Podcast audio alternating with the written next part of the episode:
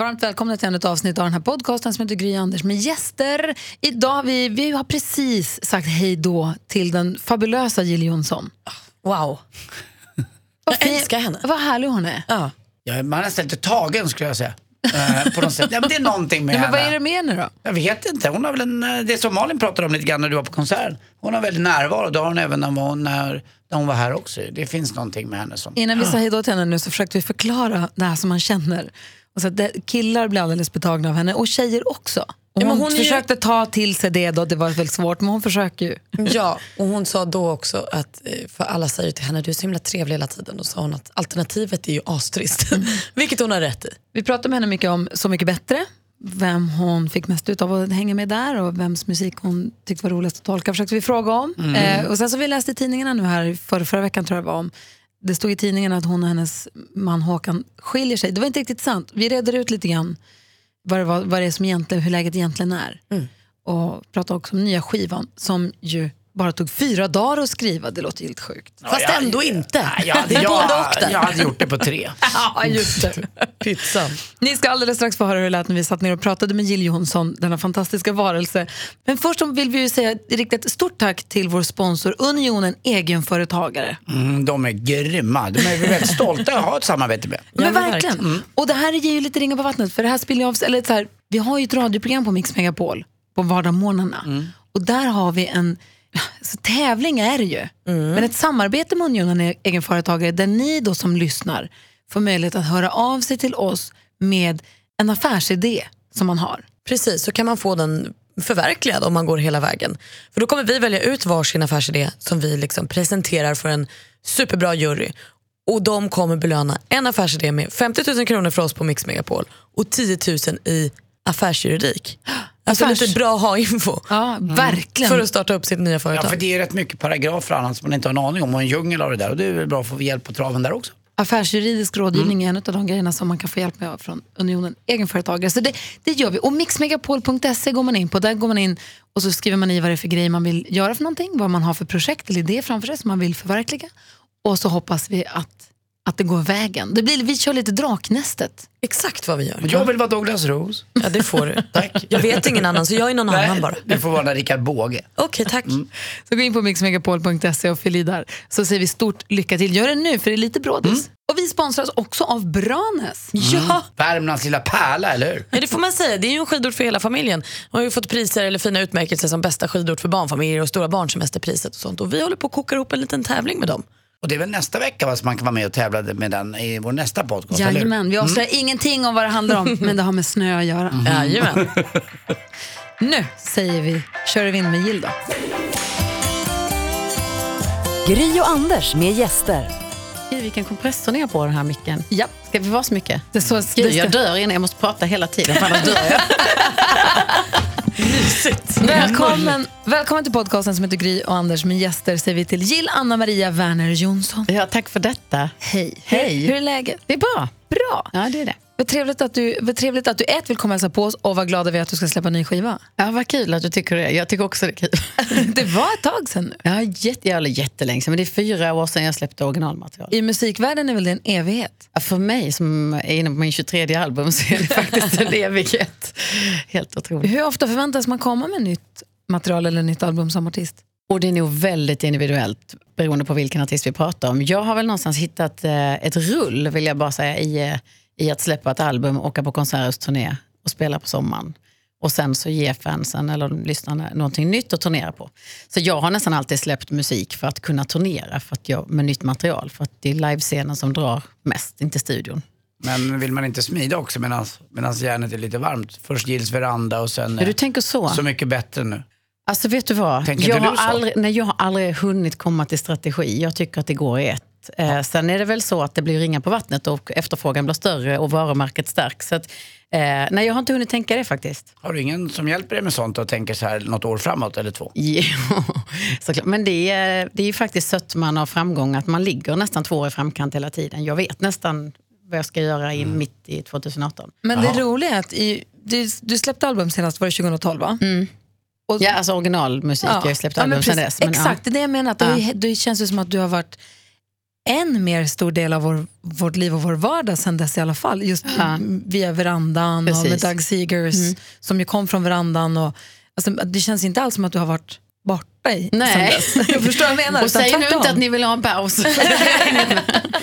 Nej, Ja, inte alls. Nej, jag skojar. Men, eh, ja, nej, det, så känner inte jag heller. Det har verkligen gått i ett. Har det gjort. Men eh, Gills veranda blev ju någonstans en helt ny plattform. Jag har ju haft några få plattformar. Liksom första 98 med Melodifestivalen, 2003 när jag fick göra liksom lite mer countryfierad eh, musik. Liksom. Och, och, och sen på något vis ett nytt genombrott nu igen. Så, att, eh, så känns det för mig som sitter på den här sidan. Att jag, helt plötsligt kom det något nytt erkännande, någon ny förståelse och någon ny öppning. Vi, vi pratade om podcastar lite tidigare. Ja.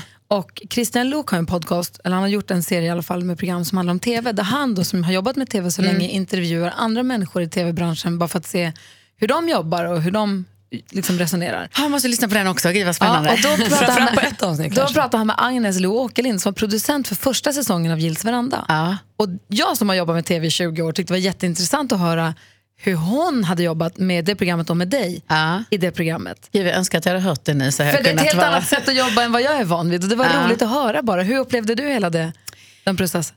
Åh, ja, det finns så många svar på den frågan. Men först och främst så har jag då jobbat med tv på den sidan som artister jobbar med tv. Att man kommer och man vet, liksom, man har ett hum om vad viss tv handlar om. Men jag har ju aldrig skapat tv. Så att, eh, termologin till att börja med var ju liksom en hassle första tiden. Och eh, jag bara på något sätt kastade mig in i att på något sätt bara ändå bara vara den jag är liksom, i, i, ett format som inte heller var ett format. Det var också nytt. Eh, här pratar vi formaterad tv och sen vårt format i Gills veranda är ju väldigt oformaterat. Det enda som är samma varje kväll eller varje dag är att vi sitter på en veranda, att programmet börjar där. Sen tar ju gästen och, och ämnet någonstans oss på helt olika vägar per avsnitt. Så att det var väl inte förrän kanske i reflektionen efter säsong två som jag faktiskt kände att nej, men nu vet jag lite vad det handlar om och nu vill jag verkligen vara med och skapa på ett nytt sätt. Liksom. Och jag har ju helt plötsligt kommer det andra idéer i huvudet att och göra tv. Liksom. Vad skulle Malin fråga? Nej, men jag tänkte på, vad jag förstår så, nu tog det ju fyra år med egenskrivet material innan det här albumet blev klart. Och det här var kanske lite så att det tog lite tid att få klart det här albumet. Var det här första gången du kände att det inte bara rullade på? Att du liksom har släppt album på album på album och det här var första gången du fick så här, Ja, anstränga dig lite mer? Eh, först ska jag säga att det här albumet kan man säga att det tog väldigt lång tid. Fast ändå så gick det väldigt fort för jag skrev det på fyra dagar. What? Men fram Så det kan vi komma tillbaka till. Ja, men men vi kan säga oss. så här att, att vad det gäller liksom allt jobb med Gills veranda och för 155 krogshow och allt annat som jag har hållit på med så kan man väl bara säga att eh, hur roligt det än var så var det ju tempo som inte kanske helt normalt. Och i, den, i det tempot kan i alla fall inte jag vara kreativ. Så att det- var någon form av skrivkramp men en ganska naturlig sån. För det hade känts jättekonstigt att och sitta och reflektera inåt, vilket jag tycker man ska göra när man skriver musik, mitt i den farten. Det var ju ett framåtlut liksom, som jag aldrig varit med om i alla fall. Och när jag väl hade tid att skriva, då hade jag liksom tagit mig ledigt för att skriva och att reflektera och landa. För jag kände att nu börjar det här bli inte så kul. Liksom. Då kom det ingenting. Får man, Absolut får man ingenting. andnöd rent själsligt då eller? Nej, alltså jag vet inte. Jag kallar det att man insjuknar i styrka. För att man är så van någonstans att leverera. Så att man gör det ehm, ja, och ser väldigt stark ut. Och sen, man är stark också, men det blir tomt bara. Det är liksom ho-ho. Men känns det inte också som att country är en väldigt självutlämnande genre? Det kanske all musik är på ett eller annat sätt. Men Det kan country man handlar ju så mycket om själ och hjärta och känslor, är det inte så? Ja, men det kan handla om, alltså det finns otroligt många lager i, i countrygenren. Det finns ju liksom brudar och bärs också. Liksom. Så att det finns allt. Men eh, eh, det är väl mer jag som tycker att musik blir bättre om det skaver lite. För att då har jag en möjlighet att nå andras inre kammare på något vis, utan genväg. Men är det inte lättare att nå andras in i kammaren och skriva mer på svenska? Jo, om man kan uttrycka sig på svenska. Men jag är, först och främst jag är ingen stark lyricist. Jag, vet, alltså, jag står bakom varenda ord, men jag tar väldigt mycket hjälp med just lyriken. så att därför så eh, tror jag inte att eh, jag är rätt person för det. Och sen tycker jag inte om att sjunga på svenska. Jag älskar svenska språket, jag tycker det är ett vackert språk. Men rösten bär inte för mig på samma sätt på svenska. Och jag tycker, med risk för att få höra det sen, att min genre blir ganska banal på svenska. Ja, det blir det. det tycker blir det inte nog ändå. Ja. Ja. Jag tyckte Ja, det var bra när du sjöng med, med Mauro, det, någon vägen. Längre det? neråt vägen. Ja, men det, Ja, det kan, jo, men det, det, fast då, gick jag in i hans värld på något vis, även om det var min platta. Men eh, ja, det är kul. Jag tycker det är roligt. Det kommer ju någon gång, svensk platta. Vi Det har inte det. hört albumet nu när vi träffas, men vi Nej. har hört You gotta love me more. Ja, Härlig. tack. Superfin är den. Tack. Och låt oss återkomma till det här med att du säger att det tog fyra dagar att spela in skivan. Ja. Vi har en programpunkt som heter Fem första, bara för att få Ja, lära känna dig lite kör. bättre. Så Jill Johnson, första jobbet. Åh, alltså ja, det var ju mm, gig. Liksom. Men eh, om vi ska hitta ett annat jobb som var det första jobbet, vad kan det ha varit? Kanske, kanske butiksbiträde, om det var det första riktiga jobbet kanske. Vad då för butik? Eh, den hette Necessity på den tiden. Det var Nej en men gud, de sålde savannbyxor och sånt. Vad gjorde de? Alltså in i, in i, i, vart var det då? Då var jag i Ängelholm. För vi Ängelholm. hade en necessity-butik som hade så höga svarta påsar med vit text. Aha. Som fanns eh, på Drottninggatan i Stockholm. Dit jag fick fråga mamma jättemånga gånger för att få åka och handla de här savannbyxorna med dragkedjan i, i men rumpan. gud, det kom- nej, så men gud, himla nej. trendiga. Det var, var på necessity-butik. Jaha. Ja, det kanske fanns, ja, jag vet inte. Men ja, det kan ha varit det första jobbet. Jag kommer inte ihåg. Jag har jobbat med så mycket. Jag har röjt på byggen och jag har städat jag har varit receptionist och hummerfarm och you name it. Hummerfarm. Ja, städade hummerbassänger. I Ängelholmstrakten? Ja, Nej. havsbaden. Jaha. Hur städar man en hummer? Ja, man går med en, typ en vattendammsugare kan man säga. Jaha. Var det jättekul? Nej, det kan ha varit ett av mina sämsta jobb faktiskt. Vad har man på sig? Kläder, lämpligtvis. Men det känns som att man har på sig Ghostbusters-overall. Liksom. Ja, du tänker att det är en stor. Jag tänker mest att de är i höjd med ett bord. Liksom. Jag har aldrig varit på en hummerfarm, så jag vet. Du har inte missat något. Första lägenheten. Eh, första lägenheten var i Skälderviken ovanför bibliotek. Ett bibliotek som fanns på den tiden, en etta. Och jag flyttade inte förrän jag var 20. Ganska sent kanske. Eller är det normalt? Jag vet inte. Jag tycker det känns ganska... Som tonårs, nybliven tonårsförälder tycker jag 20 låter... Inte tidigare än 20 skulle jag vilja säga att de får flytta. Nej, det är perfekt. Tycker jag. Ja. Första förhållandet. Eh, jag förutom Micke när jag var tio år, där, som jag minns att jag hade chans på väldigt länge, så första mm, riktiga förhållandet, ja vad kan det ha varit? Gud, som jag har så mycket att välja på. Har du inte det? Jo men det har jag nog, eller har, väl, har man inte det i den Ja, åldern? Om man ska gå ända dit. Nej men det får nog bli Micke, för jag var ändå kär i honom, väldigt kär och, och jag var tio. Och vi var tillsammans två år tror jag. Sen, Bra! sen tyckte han liksom att vi ses ju aldrig så vi kan väl lika gärna göra slut. Okej. Men om man, är, om man är som du uppväxt i en lite mindre ort, är det verkligen så mycket att välja på då? Ja, Ängelholm hade rätt mycket att erbjuda faktiskt. Det var det i alla Ja, fall. jag tycker det. Ja, vad härligt. Ja. En palett. Jag ja, frågade, ja, jag, är, jag är nöjd. frågade sjuåringen häromdagen, kan man vara ihop med flera stycken på en gång? För de höll på och pratade. Uh-huh. Jag är inte det, säger hon argt. Nej, nej, men kan man? Ja, det är klart man kan. Varför skulle man inte kunna det?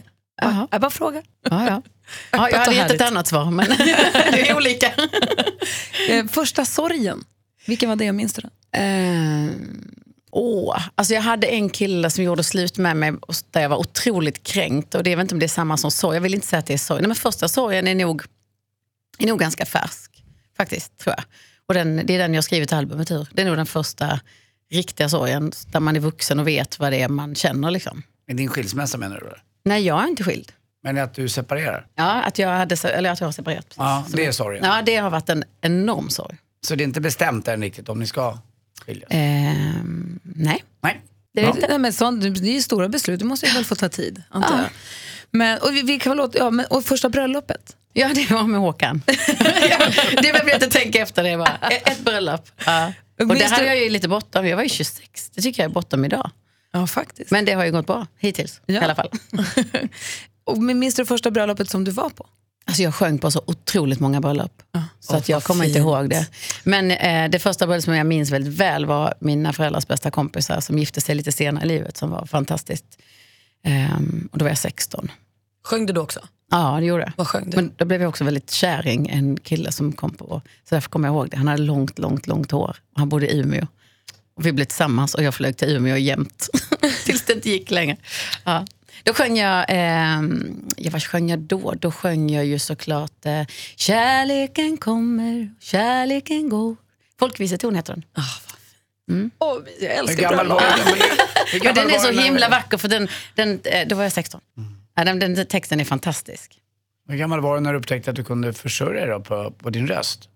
Och ditt sätt att komponera? Och det var liksom ingen upptäckt, det gjorde jag direkt på något vis. Alltså så fort det, um, vad kan jag varit, kanske där någonstans 15-16 som jag började få betalt. Men det var ju så här Men 300 kronor. Gick du ut skolan? Ja det gjorde jag, fast med bedrövliga betyg faktiskt. jag, var, jag gick liksom in i, i, eh, i gymnasiet med, jag tror jag började på så här ja, då var det ju så här fem, som man, 1 till 5. Jag tror jag hade, jag gick nu från 4,8 till 4,3 till 2,9. Det var så här, jag bara sket i det i slutet. Ja. Men jag läste, tror jag var på din hemsida, där du beskriver just din relation till musiken, att det är för dig är det som andas. Ja, eller det har aldrig, man får ju ofta frågan när bestämde du dig för att bli artist eller, och så vidare. Men, men för mig har jag var så himla liten när jag på något sätt omedvetet satsade på musik. Jag var fyra år när jag började i barnkör. Så att musiken har alltid funnits omkring mig och eh, nu skulle jag väl uttrycka mig så att jag skulle vara väldigt halv om jag inte fick hålla på med det. Du sa att ditt nya album som kommer nu här i höst, att du, det har tagit en tid innan du, sen du skrev ett eget helt album själv. Men det gick fort att göra det, det tog bara fyra dagar. Ja, Hur menar du då? Berätta. Jag menar så att ehm, jag har i fyra år kanske gått och, och ja, funderat på vad det jag ska göra. Och, och också med succéerna Mils veranda så känner jag då att det är liksom mer öppet för all sorts country. Liksom. Jag, har inte, jag har känt att den här gången behöver jag inte fundera någonting, utan jag ska bara skriva. Och så har det då inte kommit, någon gång inte kommit någonting. Och så skulle jag åka över till Nashville och eh, jag hade blockat tio dagar för att skriva. Och så ringer jag över till min bästa väninna Liz Rose som är, ja, kan vara lite, alltså hon är en, en väldigt stor upphovsman där borta. Så att, vi är ju nära vänner så jag är alltid välkommen. Men det kan vara så att vi bokar in liksom tio dagars lås. När man kommer dit så är det så två dagar kvar för då har hon flugit iväg med massa andra grejer. Och lite så var den här gången att hon sa... Excentrisk. Ja, eller mer efterfrågad kanske. Och att jag inte har lika mycket att erbjuda.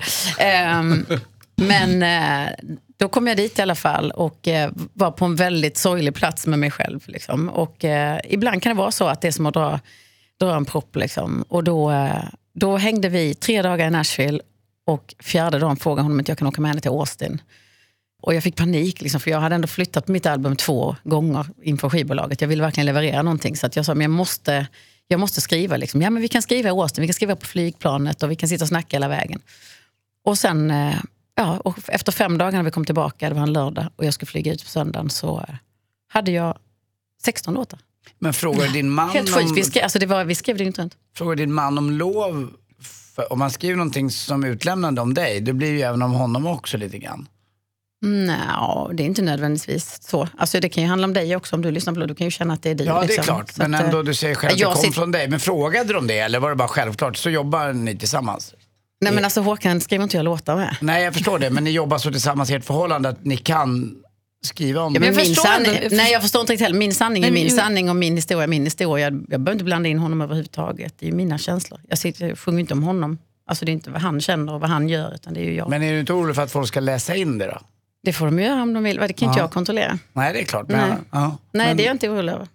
Det är, ju min, det är ju min sanning och mina känslor. Mm.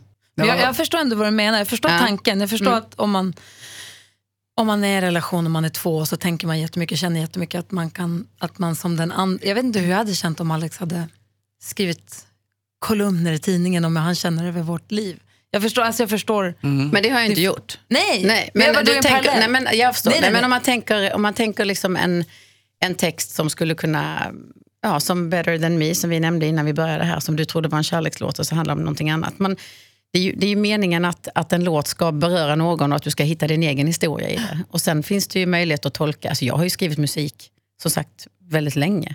Så det finns ju massa titlar där man skulle kunna reagera på i så fall. Fast det är väl först nu när man läser i tidningen då tror jag det blir. Att man Mm. läser in per automatik bara. Innan så bara tror man vilken härlig, vad fint du tolkar det där att du känner så. Men om jag får fråga dig en fråga då. Om, Ja. om, vi, om vi skulle säga att, att det skulle vara så, vilket jag inte tänker på. Vad känner du då med det? Är det känn, vad är det du undrar? Liksom? Är det att jag är taskig mot Håkan? eller om, Nej, jag, eller om, vi, nej, eller om nej. han sitter och säger, ja men skriv om mig är du snäll, det blir bra. Nej, utan mer bara att det är en underförstådd... Eh, ni har ändå levt ihop ganska länge och Mm. att man har en förståelse för varandra. Att man går vidare på sitt håll och att du... Fast det, det Ja. där är lite händelserna i förväg, så Ja. vi, man ska inte tro allt man läser i tidningarna. Nej. Nej. Så att jag, jag förstår jag har inte du- riktigt läst tidningarna. Vad är läget? Eller vad är det som är... Nej, men läget är att jag ehm, inte duckar för innehållet i materialet och fick en fråga. Och då sa jag som det var, att vi separerade i början av året och att vi har bott lite här och där och, och lite skilt åt i sommar. Och att det är en process och vi får se var det landar. Och det ledde till att jag var singel och att vi ska skilja oss. Och där är, där är inte vi. Jag pratar bara min musik. Jag förstår. Så att jag känner inte igen mig i det som står i tidningarna alls. Hämmar det dig, känner du, eller tycker du att det är, det är så det är? Nej men alltså på riktigt, jag, jag är förvånad. Jag trodde att jag skulle bli sjukt ledsen. Liksom. Men jag bryr mig faktiskt inte. För att det, det blir så... när man själv är, är den som det, det skrivs om på ett sätt där det liksom inte stämmer. Alltså självklart är det ju, det är ju ingen rök utan eld, men det är liksom, man har verkligen gjort rubriker av någonting ganska öppenhjärtigt och, och fakta. Liksom. Och dratt det vidare. Så känner man bara att ja, det är utom min kontroll. Blir du inte arg? Nej men det är inte lönt därför att jag, alltså jag är så förskonad. Jag har fått så mycket kärlek och jag har aldrig varit utsatt för någonting. Och det de har skrivit hittills är bara fakta. Det är, inget, alltså det är inga felaktigheter förutom att de drog det till singel och skilsmässa. Och det känner jag inte igen mig liksom. Eftersom att så ser inte jag på det.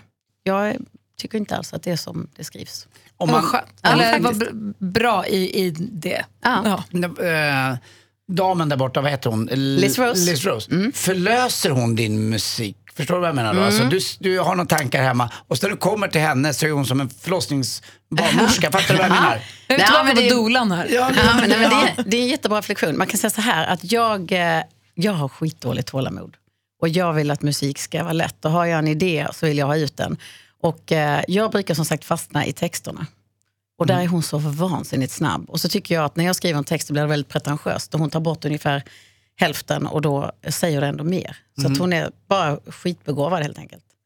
Och sen är det också lite att man åker hemifrån, man lämnar liksom alla göromål och familj och får liksom bara fokusera på en sak tillsammans med folk som man tycker skitmycket om. i, Eh, med lite god mat och vin och För oss, jag har aldrig varit i, i Nashville då. Beskriv liksom atmosfären. Är det att man blir inspirerad av det eller? Alltså jag blir inspirerad bara jag sätter foten på heltäckningsmattan på flygplatsen. Och, och sen möter du liksom akustisk musik redan innan du har nått dina väskor. Så det är en väldigt eh, det är en skön stämning. Det är mycket livemusik. Det är väldigt jordnära, gästvänliga människor. Och eh, god mat och nej men allt är jobb. Det är svårt att förklara vad man... Alltså, det, jag diggar allt Men det, det känns ju också lite som att du har dragit i så jackpot-snöret där borta. Som att du åkte dit med så här drömmarna eh, och så här, du gillar country, du vill Ja. göra den musiken. Och så har du fått liksom de här vännerna som är superbegåvade och så här, att du har fått ett Det sånt... säger lite om mig va? Nej, men att du liksom Nej, lyckats nästla dig in i liksom men kärnan jag, och jag, alltså det här proffsen. låter ju, men jag har inte nästlat mig så mycket. Utan jag har verk, det är lite så här ödet och, eh, och tur såklart. Att jag, jag började verkligen på botten, om man kan få uttrycka sig så, med låtskrivare som inte alls var lika framgångsrika och fick verkligen jobba mig upp.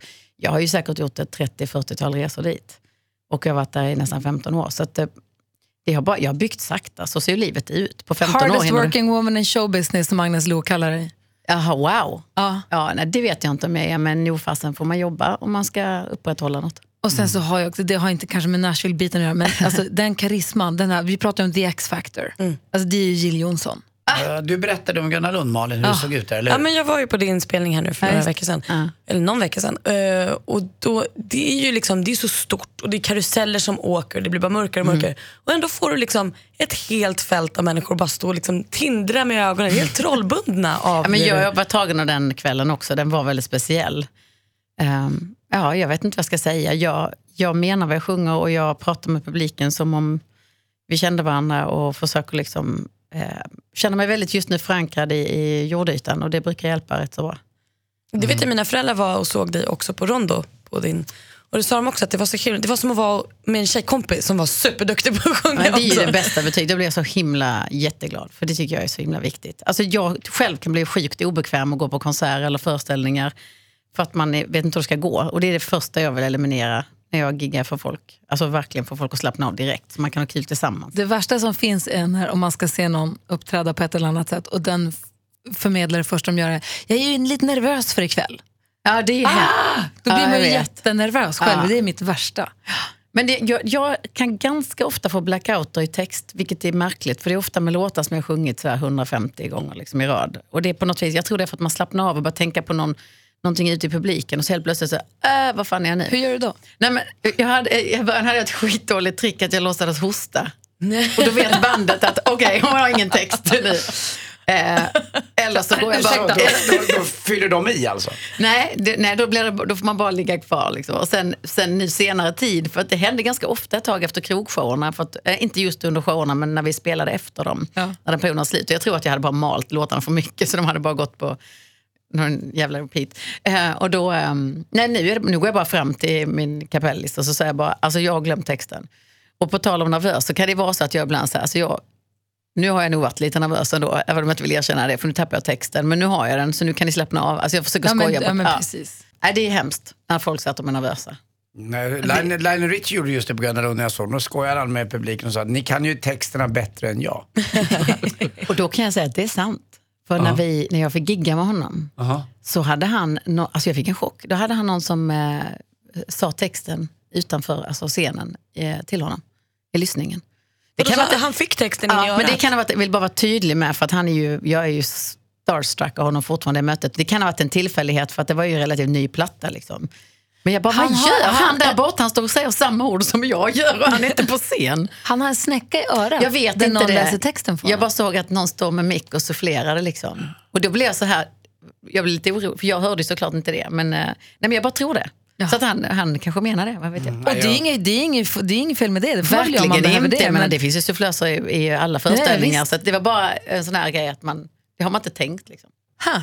Men när du kommer upp på en scen som Gröna Lund, då, då är du fortfarande lite nervös själv ändå och tar inget för givet. Det är väl kanske det som gör det ganska transparent och att publiken tycker om dig, tror du inte det? Ja men kanske, men jag, nej, någonting för givet har jag aldrig för det, då är man illa ute. Men eh, jag är, som sagt just nu jag är väldigt eh, förankrad i marken och känner mig väldigt stadig. Så jag känner inte att eh, gigmässigt så har det varit en skön sommar och Gröna Lund blev bara toppen på berget. Liksom. Det blev pricken över i. Det var helt fantastiskt avslut.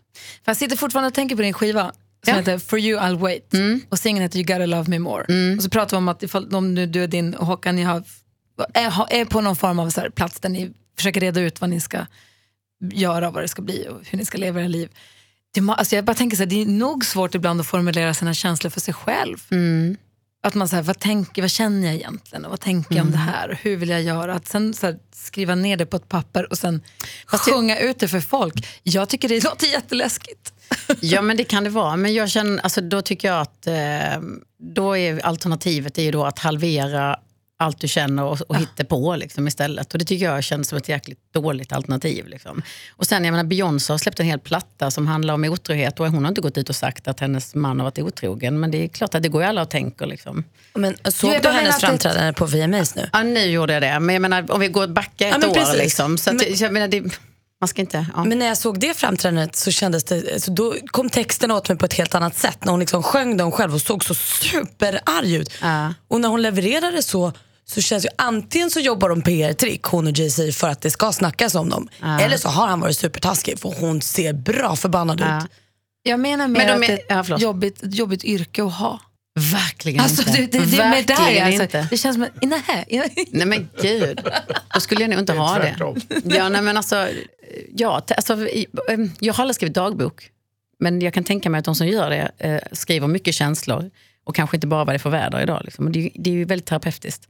Eh, jag skriver ju bara utifrån en genuitet och från hjärtat. Liksom. Och sen eh, ser jag ändå det som eh, texter som skulle kunna beröra vem som helst. Alltså, allting handlar inte om mig.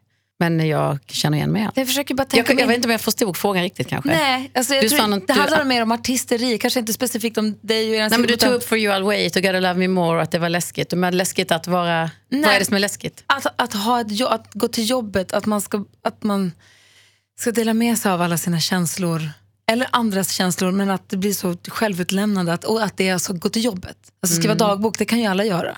Nej, men, ja, fast jag tycker inte det är läskigt. Och jag, någonstans får man också tänka att jag har ju hållit på med det här i väldigt, väldigt, Ja. väldigt länge. Så att det är inte det att jag eh, är en känslokall person. Jag kan ju mena vad jag sjunger så att jag... eh, Jag har nog aldrig gråtit och sjungit samtidigt, har jag inte gjort. Men där man får tårar i ögonen och verkligen menar vad man sjunger. Men ibland kan man ju också stänga av för att man har en dålig dag. Gudarna skulle man ju i den här genren country bryta ihop varje dag. Det, liksom, det skulle ju inte gå. Liksom.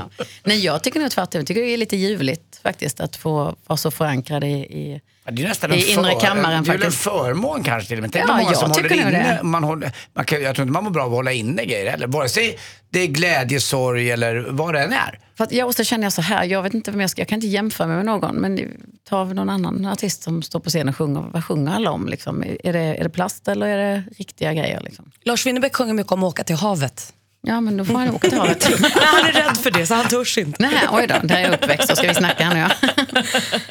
Vi ser mycket fram emot också Så mycket bättre.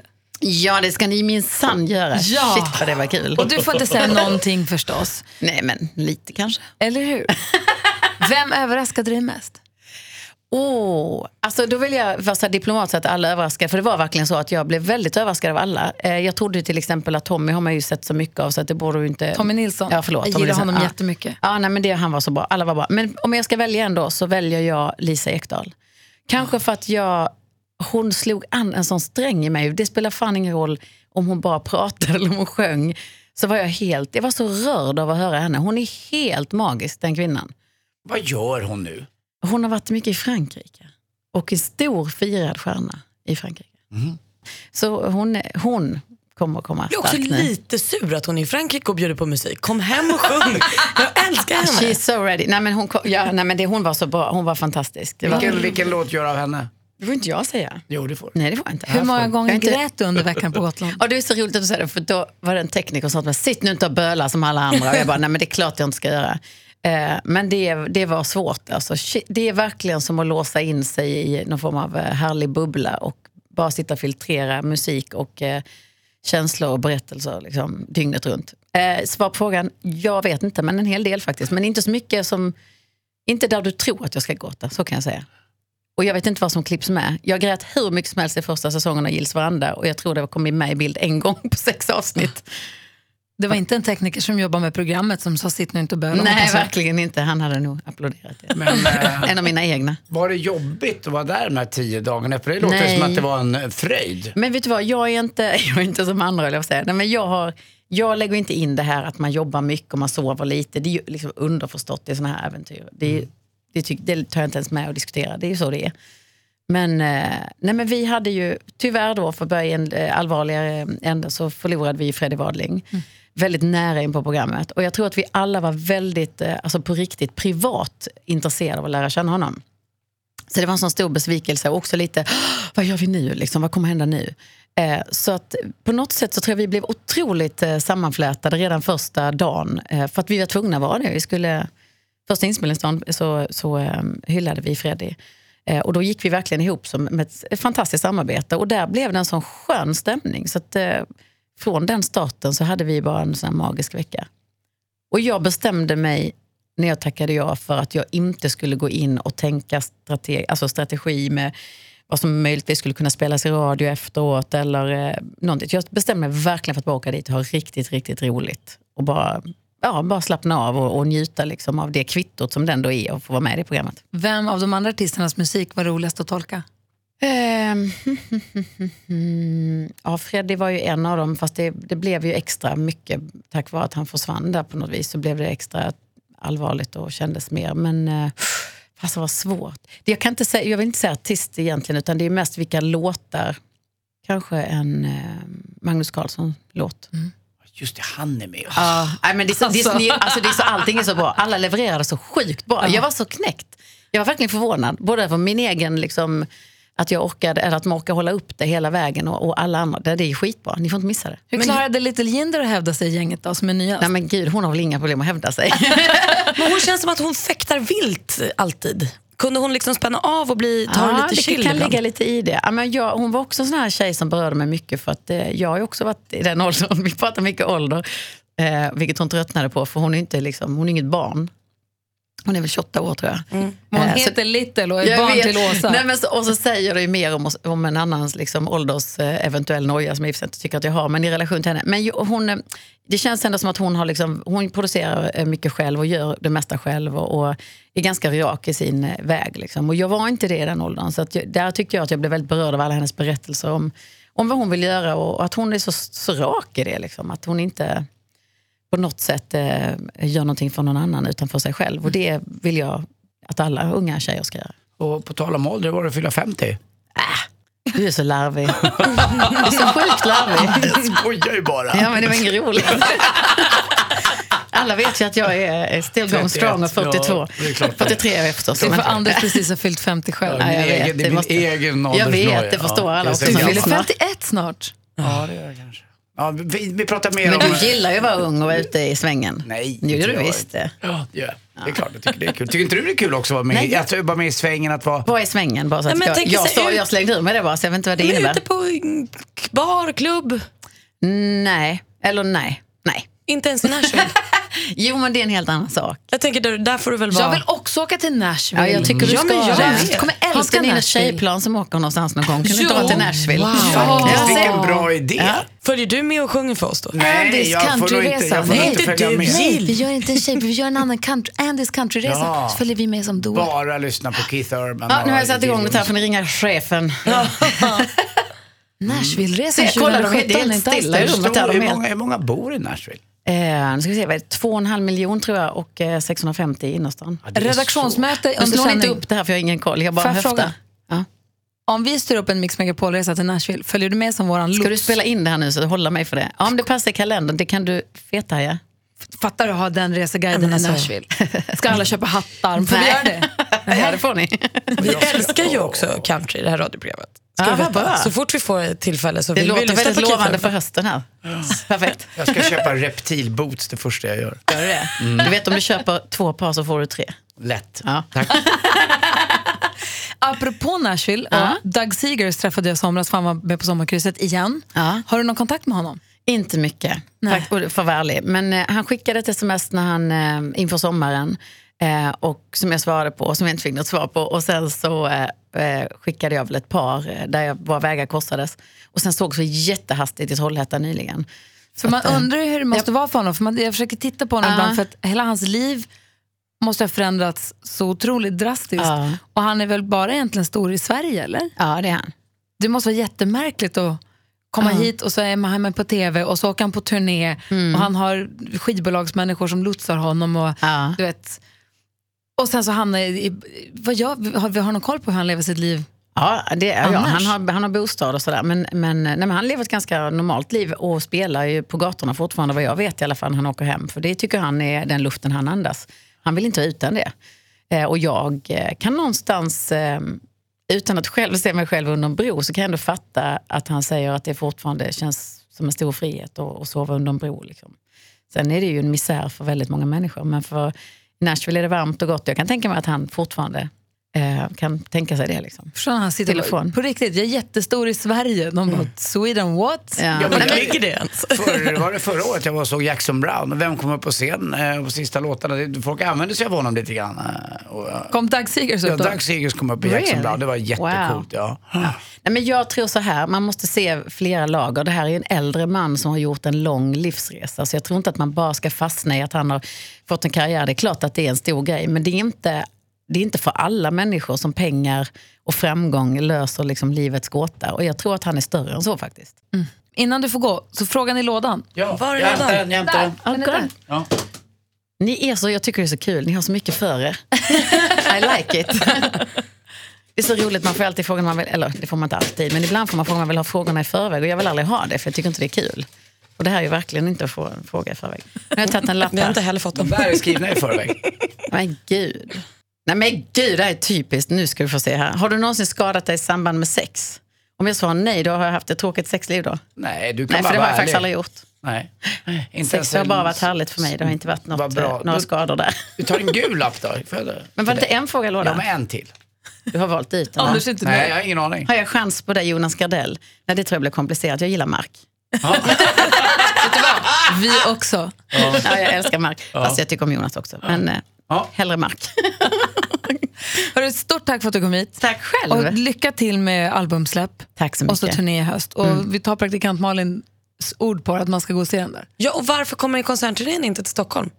Ja, det vet inte jag faktiskt. Det Berwaldhallen. kan, det kan, men det kan vara- Berwaldhallen är nu ypperlig lokal för Ja, dig. det har jag nyss varit förstår du. Då kan det vara så att de inte vill att jag ska komma tillbaks. Men- så tajt in på. Dåligt! ja, då, nej, men det, sätt sig i bilen och åk. Jag ser också med reservation för ändringar står det under turnéschemat så jag kan Ja. hoppas lite till då. Ja, vi får se vad som händer. Tack. Du kan väl åka och hälsa på. Ja, det kan jag också. På jilljonsson.se kan man hålla lite koll. Men det kan man också göra. Tack ska du ha. Tack! Doesn't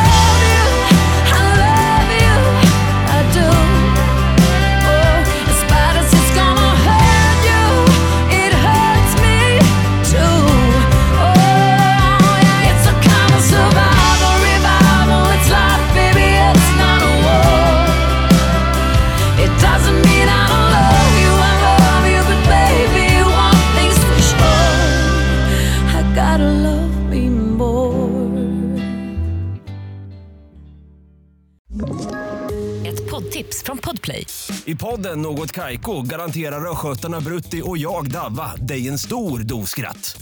Där följer jag pladask för köttätandet igen. Man är lite som en jävla vampyr. Man har fått lite blodsmak och då måste man ha mer. Udda spaningar, fängslande anekdoter och en och annan arg rant. Jag måste ha mitt kaffe på morgonen för annars är jag ingen trevlig människa. Då är du ingen trevlig människa, punkt. Något Kaiko, hör du på Podplay. Därför är gardinerna.